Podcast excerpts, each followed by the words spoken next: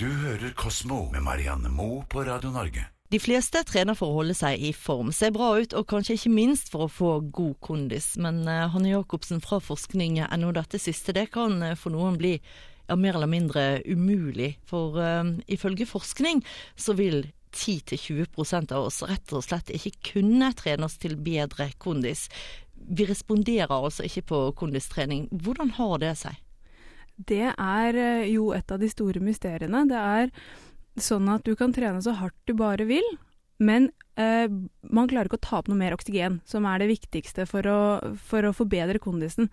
Um, og det en del forskere nå driver og sjekker, er om det rett og slett er genetisk bestemt.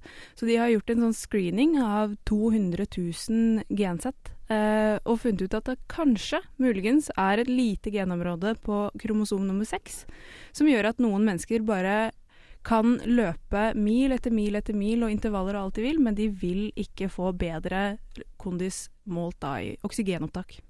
Nå er jo det ikke til å komme utenom at uh, kondisjon det er viktig også i forhold til f.eks.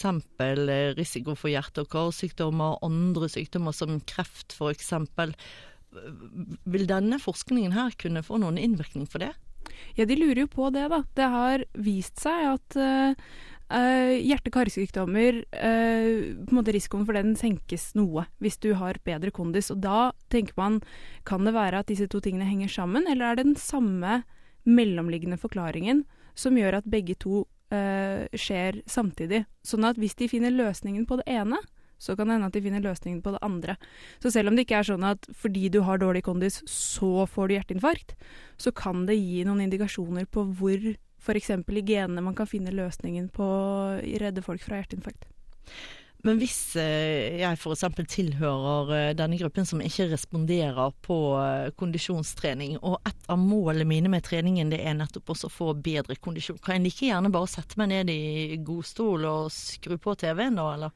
Nei, for all del ikke. Altså, kondisjon er jo bare én del av treningen, og eh, de som trener kondisjon, vil jo da f.eks. gjerne være i stand til å løpe lenger. Da er det sånn at da kan du også ha veldig mye igjen for å trene beinstyrke. Fordi at da vil du holde lenger i beinet. Så selv om du ikke vil få noe sånn stort utslag på det O2-opptaket, eh, så kan du faktisk på en måte få kjempegod effekt av å trene for det om. Og så er det jo sånn at det er jo en enorm gevinst i det å trene for seg selv. Er, vi skal ikke henge oss opp i disse tekniske målene som mest brukes på idrettshøyskolen. Eh, hvis du syns det er vanskelig å kjenne forbedring, så bytt treningsform og prøv deg litt frem, fordi det kan godt være helt andre ting som gir kjempegod effekt. Er det noen måte man kan få svar på om man tilhører denne non-responder-gruppen som, eh, som de blir betegnet som? Ja, altså du kan jo ta en gentest, sånn som eh, det disse deltakerne i den studien har gjort, og, og, finne ut av hvordan det kromosom 6 ser ut hos deg. Men det er jo ikke å anbefale, for det kan være veldig vanskelig å holde motivasjonen oppe hvis du får definitiv beskjed om at du er en såkalt ikke-responder, altså en som ikke eh, klarer å, å, trene opp kondisen. Så legene anbefaler at du ikke tenker så mye på det, og heller trener for helsas del. Du hører Kosmo med Marianne Moe på Radio Norge. Sommeren er like rundt hjørnet, men hvor mye sol tåler egentlig vår eh, vinterbleike hud? Eh, Bjørnar Kjensli, dere i forskningen har kikket litt nærmere på nettopp hvor mye sol som egentlig er sunt for oss. Hva sier forskningen her? Forskerne sier eh, det at her i Norge har vi egentlig ikke så veldig sterk sol, men på dager hvor det er mye sol og, og skyfri himmel, så tåler vi en sånn 10-20 minutter ute i sola. Det, det, påvirkes kanskje litt av hvor vi er og tidspunktet på dagen også? Ja, absolutt. Eh, du skal ikke lenger syd enn til Spania, så er det helt andre tider som gjelder. Da må man smøre seg. Eh, og det er særlig på dagtid, mellom sånn tolv og tre, så er jo sola den på det sterkeste eh, den kan være. Og da må man være forsiktig. Men hvordan er nettopp dette her i forhold til smøring? Altså, vi, vi kan jo ligge lenger i solen så lenge vi smører oss godt. Mange bruker kanskje for lite krem? Ja, eh, disse forskerne som vi snakker med, er opptatt av det at eh, faktor er jo selvfølgelig viktig, men eh, så lenge vi er på ikke rett ved ekvator eller på ekstreme steder sånn som Australia og sånn, så er det viktigste faktisk det å smøre seg ofte, ikke nødvendigvis hvilken faktor det er. Ja, bør man gjøre det også oftere hvis man velger Altså, bør man smøre seg oftere jo lavere faktoren er? Ja, det mener de også. Men eh, de, de sier også at uh, her oppe i nord så er det Altså Med mindre det er veldig ekstrem sol, så er det ofte ikke nødvendig å smøre seg med veldig høy faktor. Men, men man skal heller ikke være så lenge ute i solen, da. Anbefalingene det er å bruke solkrem som beskytter mot både UVA og UVB. Hvorfor er det så viktig? Eh, UVB er eh, det som kan gi oss hudkreft, eh, så det er selvfølgelig viktig å, beskytte seg mot. Mens UVA er det som vi får rynker og pigmentflekker av. Så det er viktig med solkremer som beskytter mot begge deler. Men samtidig så er det sånn at UVB er det som gir oss D-vitamin, og det er jo veldig viktig. Fordi her oppe i solfrie nord, med det kostholdet som vi har, så får vi nesten all D-vitaminen vår gjennom sola. Så dette er tveegga sverd. Vi må ha sol, men vi må være veldig forsiktige med den. Og så har vi ganske mørke vintre også, så vil kroppen i det hele tatt klare å ta til seg D-vitamin fra sol hvis vi smører oss inn eh, godt før vi går ut i det hele tatt? Ja, det vil den egentlig. Altså, vi trenger ikke så veldig mye sol for å få, få i oss D-vitamin, men, eh, men eh, litt grann sol i ansiktet og på armer og sånn, det, det, holder i massevis så lenge du går ut på en, på en, dag med sol. Så det er ikke noe nødvendig å ligge i solen uten solkrem for å få D-vitamin. Absolutt ikke. Hva er det med D-vitaminet som gjør det så viktig for oss? D-vitamin er koblet til ganske mange ulike sykdommer og lidelser. Det å få mangel på D-vitamin kan føre til ganske ganske mange ting. Beinskjørhet og, og, ulike sykdommer. Også, man, man, har også sett uh, lenker mellom D-vitamin og psoriasis. Og så er det jo det jeg sa, da, at, uh, at D-vitamin, med det kostholdet vi har her, så får vi nesten ikke D-vitamin fra andre steder enn solen. Så solen er vår viktigste kilde. Nå vet vi at sol kan være lumsk. Og hva er det egentlig som skjer når vi blir solbrent? Det er egentlig hudens måte å fortelle oss på nå må du komme deg ut av sola. Altså det, det, den blir rett og slett brent, altså. Eh, så det det er et viktig tegn. Og, og det å, at vi syns det er litt fint at man gløder når man er solbrent, det er egentlig ganske teit, for det, det, kan være farlig.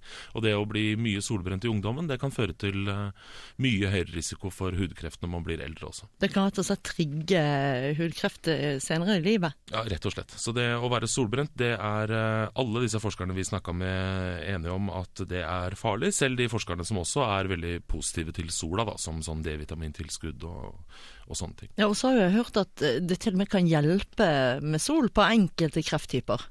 Ja, det, det, kan det. Og det er studier som viser det at folk som får hudkreft eh, og prostatakreft og sånne diagnoser om sommeren, eh, de lever lengre enn de som får det på vinteren. Så det er noen sånne statistikker som viser det at, at sol også hjelper mot kreft, samtidig som de gir kreft. Du hører Kosmo med Marianne Moe på Radio Norge. Det å omgås dyr, det gjør noe med oss. Og nå viser det seg at hester faktisk kan være til stor hjelp for pasienter som har alvorlige spiseforstyrrelser. Det er forskere ved Helsevitenskapelig fakultet ved Universitetet i Tromsø som nå har sett spesielt på såkalt hesteterapi. Og Bjørnar Kjensli fra forskning.no, hva i all verden går dette egentlig ut på? Dette går egentlig ut på samvær med hest. Altså, hester er eh, ganske spesielle dyr. De er veldig veldig gode til å lese kroppsspråk. Altså, de kan jo ikke snakke, så det må det jo være. Men i tillegg til det så er det jo også byttedyr. Hester biter ikke så hardt fra seg, og da, da må de være veldig gode til å lese kroppsspråk. Så det gjør at eh, man som menneske, hvis man skal være i nærheten av hester og holde på med hester, så må man ha et veldig tydelig og ærlig kroppsspråk. For det hester merker med en gang hvis du prøver å late som du ikke er trist eller sint eller redd, eller noe sånt, så tolker hester det som Uh, hva, hva, er det du driver med? Og, dette her virker litt, uh, virker litt, usikkert. Og da vil hester reagere og ikke ville være sammen med deg. Så, de rett og slett trekker seg unna? Ja. Så det hester da på en måte gjør, er uh, å speile mennesker. Altså de, hvis, hvis, du kommer med en veldig åpen åpen innstilling og et åpent kroppsspråk, så, så vil hester oppføre seg fint, og de vil sette pris på deg, liksom. Og, Betyr det at hvis du trener på å få kontakt med hesten, så uh, blir du på en måte bedre også til å forstå deg selv, siden hesten da fungerer som et slags speil? Ja, det er det disse forskerne mener. Og, og, og de mener da spiseforstyrrelser, da, som dette gjelder, eh, det henger ofte sammen med angst og depresjon og andre personlighetsforstyrrelser. Eh, og de eh, egenskapene til hesten som vi snakket om, det, det, kan da være nyttig i en sånn terapisituasjon for å få folk til å åpne seg opp og på en måte komme i bedre kontakt med sine egne følelser. Nettopp fordi hesten ikke vil godta at du, eh, at du skjuler dine egentlige følelser. Da. Kan ikke lure en hest. Nei, du kan ikke det. Og hvis du er lei deg da, eller deprimert, så kan du ikke på en måte sette på en maske og være tøff eller, eh, eller blid. Da må du faktisk eh, oppføre deg som om du er lei deg eller deprimert. Kan kanskje hjelpe litt grann at eh, hesten også er en som ikke verken dømmer eller krever noe av deg, men bortsett fra at du er åpen og ærlig av deg selv, da. Ja. Vil helst ha deg for den du egentlig er. Ja, absolutt. Hester er ganske fornøyd hvis de får en gulrot og en klapp på, på mulen, som det heter. Hvor effektivt er dette egentlig som eh, behandlingsform?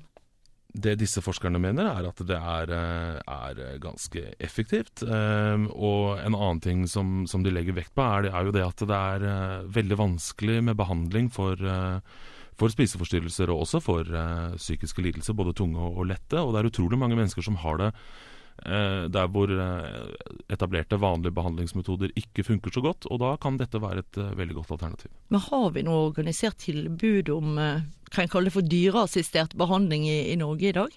Nei, det er ikke, ikke noe Altså det er veldig lite systematisert i dag. Eh, Det er jo folk som driver med det, og det er jo og folk som holder gårdene sine åpne for, eh, for dette, og folk som, eh, som er spesialisert på det. Men det er ikke sånn at du blir henvist til hesteterapi fra, fra lege eller psykolog, men kanskje det burde vært sånn. Statistikken sier at rundt 50 000 kvinner har en eh, behandlingstrengende spiseforstyrrelse, men det gjelder jo ikke bare jenter dette. Nei, absolutt ikke. eh, Men det er nok eh, når det kommer til kvinner at det er best dokumentert. Men dette gjelder jo selvfølgelig også menn. Eh, Og da er det viktig å, å bruke nye behandlingsmetoder. Og dette, når dette ser ut som det funker Dette har jo ikke noen bivirkninger heller. Du kan jo ikke få noe utslett, altså bortsett fra de som er allergisk. Men det å være sammen med et dyr har jo ingen bivirkninger, sånn som piller har.